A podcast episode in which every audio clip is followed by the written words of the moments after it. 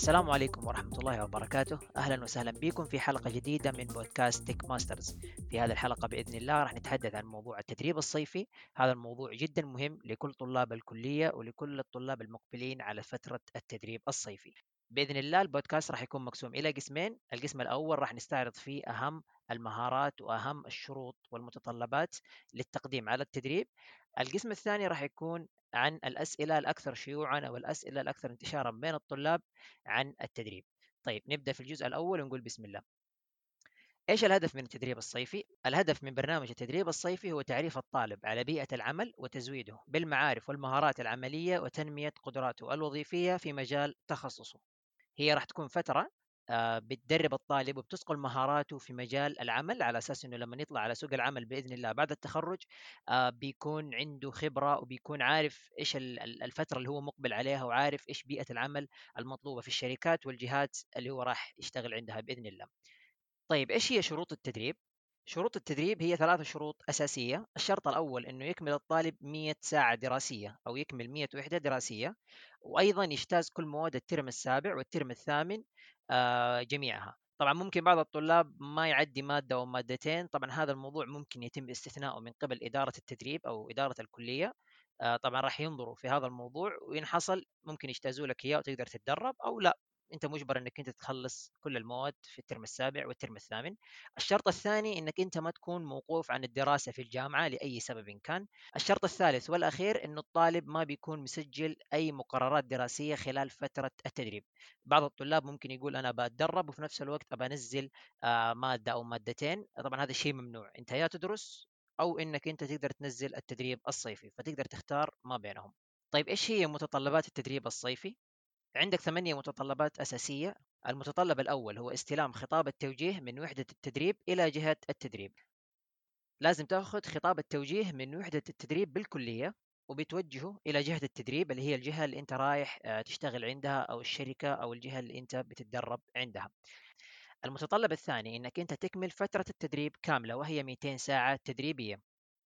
المتطلب الثالث إنك أنت بتلتزم بقواعد وأنظمة العمل لأنك أنت كطالب متدرب لدى جهة معينة أنت بتعامل معاملة الموظف فأنت لازم بتحترم القواعد وأنظمة العمل لازم ما تتأخر لازم آه، بتحافظ على البيئة والمكان والأدوات اللي هم مدينك إياها لأنك أنت في النهاية بتعتبر آه، كموظف مثلك مثل أي موظف موجود ثاني في الشركة. المتطلب الرابع وهو إرسال النماذج المطلوبة إلى مشرف التدريب الخاص بالكلية في المواعيد المحددة باستخدام البريد الإلكتروني وكمان ترسل نسخة إلى البريد الإلكتروني الخاص بوحدة التدريب اللي موجود تحت في ال description أو في صندوق الوصف. راح نترك لكم الإيميل. لازم أنت تتواصل مع وحدة التدريب في الكلية وبترسل لهم جميع المتطلبات وجميع الملفات المطلوبة منك خلال الأوقات المحددة عبر البريد الإلكتروني هذا. المتطلب الخامس يقوم المشرف على تدريب الطالب بالكلية بزيارة الطالب في مقر التدريب مرتين خلال الفصل الدراسي وتقييم أداء الطالب حسب نموذج التقييم. يعني في الغالب أنت بتاخذ تقريبا زيارتين أو أكثر من قبل مشرف التدريب الخاص بك في الكلية بيجي لين عندك أو لين الجهة اللي أنت بتتدرب فيها وبيقيمك وبيشوف إيش أدائك وإيش الأشياء اللي أنت جالس تسويها على أساس بيقدر يعدل أو بيقدر يصحح لو في أشياء خطأ عندك أو في أشياء ما هي ماشية بشكل صحيح أو بعض المتطلبات ناقصة. المتطلب السادس وهو التنسيق مع المشرف على التدريب بالشركة بخصوص التقييم النهائي خلال فترة التدريب والتأكد من إرساله إلى وحدة التدريب. بعد ما تنهي أنت هذه الفترة مطلوب من مشرف التدريب الخاص بك أو خاص بأي طالب في أي شركة أنه بيرسل التقييم النهائي وهو نموذج نهائي بيتم إرساله إلى الكلية. آه، بيكون في تقييم عام وتقييم شامل للطالب آه، بجميع الأشياء اللي قام بها خلال فترة التدريب داخل الشركة. المتطلب السابع وهو كتابة التقرير النهائي عن التدريب الصيفي وتقديمه إلى وحدة التدريب.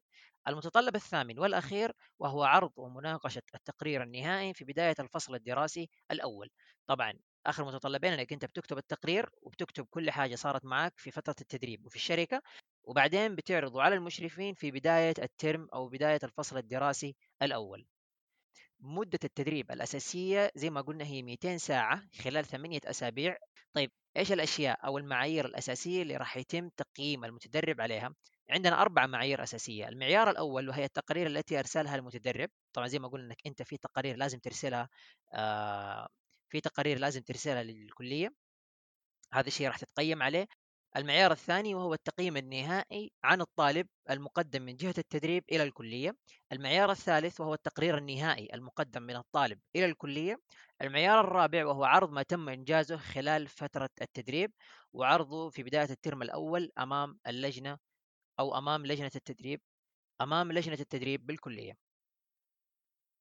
نيجي لأهم فقرة أو الفقرة الأكثر شيوعًا أو الأكثر شيء بيسألوا عنها الطلاب وهي آلية التسجيل أو طريقة التسجيل في التدريب الصيفي.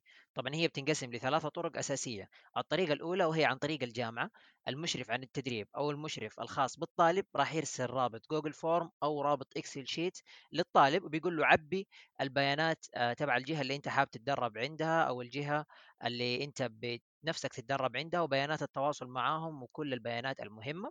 الطريقة الثانية وهي برضو عن طريق الجامعة أحيانا الجامعة بيكون عندها عقود مع بعض الشركات وبعض الجهات الموجودة داخل السعودية. فلنفترض عندها عقد مثلا مع الخطوط وأمانة جدة.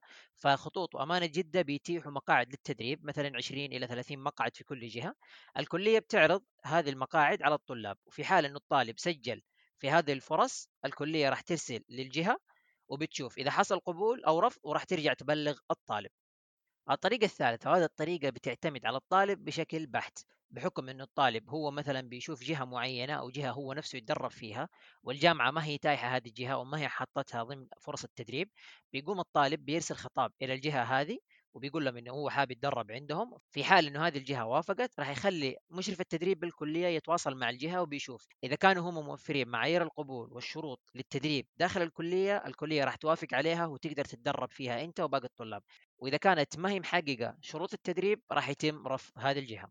كذا نكون انتهينا من القسم الأول وهو قسم التعريف بالتدريب الصيفي وإيش المعايير والشروط المطلوبة من الطلاب في التدريب الصيفي. ننتقل للقسم الثاني وهو قسم الأسئلة والأجوبة. السؤال الأول هل يجب علينا الاكتفاء بتقديم طلبنا للتدريب إلى الجامعة فقط أو لازم نرسل برضو للجهات الأخرى ونتابع معاهم؟ هذا السؤال بينقسم لقسمين طبعا في البداية هو على حسب مثلا زي أرامكو في الغالب الطالب هو بيقدم بنفسه بيتابع البروسيس آه، حبة بحبة هو بنفسه لكن مثلا زي الأمانة أو زي الجهات اللي موفرتها الكلية لا أنت بتقدم خلاص والجامعة هي اللي بتتابع وبتشوف لك القبول والرفض وبتتواصل معاك وبترتب الموضوع. طيب على أي أساس يتم المفاضلة بين المتقدمين في حال التقديم كان عن طريق الجامعة؟ آه طبعا بيكون على حسب الساعات المجتازة على حسب المعدل الدراسي آه برضو على حسب خبراتك والسي في اللي أنت قدمته آه حسب التزامك بالخطة الدراسية أيضا هذا معيار مهم طيب السؤال الثاني من متى لازم أدور على شركة وأضبط ال CV وأجهز أوراقي؟ آه، طبعا لازم تكون مجهز أوراقك وال CV من نهاية الترم الأول لنهاية الترم الثاني في هذه الفترة في الغالب راح تفتح الشركات فترة التدريب. آه، طبعا الأفضل إنك تكون مجهزها من قبل على أساس ممكن في جهات تفتح قبل فيكون لك أولوية بإذن الله على باقي الطلاب في التسجيل في هذه الفرصة. السؤال الثالث وهو إيش الحالات التي يلغى فيها التدريب؟ إحنا لازم نعرف إنه الطالب لما يتدرب عند جهة يعتبر ويعامل معاملة الموظف من ناحية الحضور والانصراف وبرضه المعاملة داخل الشركة لأنك أنت زي ما قلنا بتتعامل معاملة الموظف. فأي مخالفة لأنظمة الشركة ممكن تتسبب للطالب بالحرمان عن التدريب الصيفي. فمثلا لو الطالب غاب أو ما التزم بشروط الشركة الجهة تقدر ترفع فيك إنذار أو شكوى أو تبليغ وهذا الشيء ممكن يكون سبب في إنك أنت تنحرم من التدريب الصيفي. برضو إنه التقييم النهائي يكون غير مختوم من جهة التدريب أو عدم تسليم أصول التقارير لأنه هذه الأشياء كلها بتثبت إنك أنت تدربت عند الجهة أو عند الشركة اللي أنت كنت عندها فهذه أشياء مهمة جدا تسلمها للكلية في حال إنك أنت خالفت واحدة فيهم ممكن يتلغي عليك التدريب الصيفي. السؤال الرابع إيش المعايير الأساسية للكلية عشان توافق الكلية لتدريب الطالب في الجهة اللي هو يبغاها؟ المعيار الأول لازم التدريب يكون ضمن متطلبات الكلية اللي ذكرناها في بداية الحلقة مثلا زي مدة التدريب وتوفر مشرف للطالب لدى الجهة. المعيار الثاني تكون بيئة العمل كويسة ومناسبة وبتصقل الطالب لمواكبة سوق ومتطلبات العمل. المعيار الثالث إنه التدريب الخاص بالطالب يكون في ال field أو مجال ال IT ومجال ال technologies آه، مجال ال computing آه، باستثناء الحاجات الإدارية مثلا مدخل بيانات أو ارشيف فلازم يكون حاجة technical مثلا آه، محلل بيانات أو قواعد بيانات آه، تبرمج موقع أو تبرمج تطبيق جوال أو أي حاجة أنت درستها سابقا. طبعا ممكن أنت يكون عندك حاجتين مثلا حاجة في مجال الدراسة وحاجه في مجال ال technology مثلا مبرمج مواقع وممكن يكون عندك حاجة ثانوية مثلا كمدخل بيانات. لكن مدخل بيانات كحاجة أساسية هذا شيء ممنوع ومو مسموح بالنسبة للطالب. بعد ما ذكرنا المعايير العملية راح ننتقل للمعايير الإدارية المطلوبة من الجهة على أساس يتم قبولها من قبل الكلية. المعيار الأول إن يكون عندك مشرف داخل جهة التدريب والمعيار الثاني انه المشرف هذا بيكتب تقارير أسبوعية أو تقارير مربوطة بفترة زمنية مثلا شهرية أو غير ذلك وبيسلمها للكلية. على أساس بيكون الكلية متابعين معاك أول بأول. ففي حال إنه كانت الجهة موفية كل المعايير العملية وكل المعايير الإدارية بإذن الله راح يتم قبولها من ضمن الجهات آه، اللي يمكن الطالب يتدرب عندها.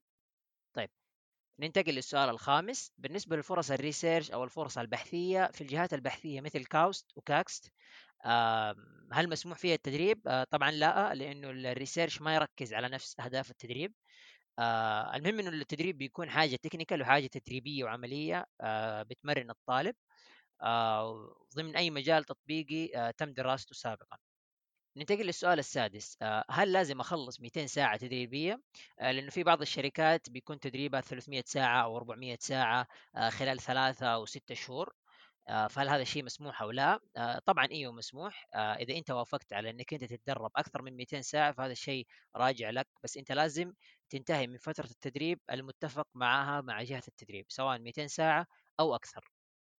طيب نروح للسؤال السابع إذا كان تدريب الطالب مدته خمسة شهور هل مسموح له إنه ينزل مواد في ال term الأول من العام التالي أو لا؟ طبعا أيوه نعم مسموح بعد ما تخلص ال 200 ساعة أنت راح تخش في السنة الجديدة أو ال term الأول من السنة الجديدة آه فيمديك إنك أنت تكمل التدريب حقك وبتنزل موادك بشكل طبيعي جدا وبتدرس فلو كان الطالب عنده أي استفسار يقدر بيتواصل مع مشرف التدريب الخاص به أو آه المشرف الأكاديمي الخاص به داخل الكلية. السؤال الثامن لو انقبل الطالب في جهة خارج السعودية إيش ال process المتبع أو إيش الطريقة آه اللي حتصير عشان الطالب يقدم فيها؟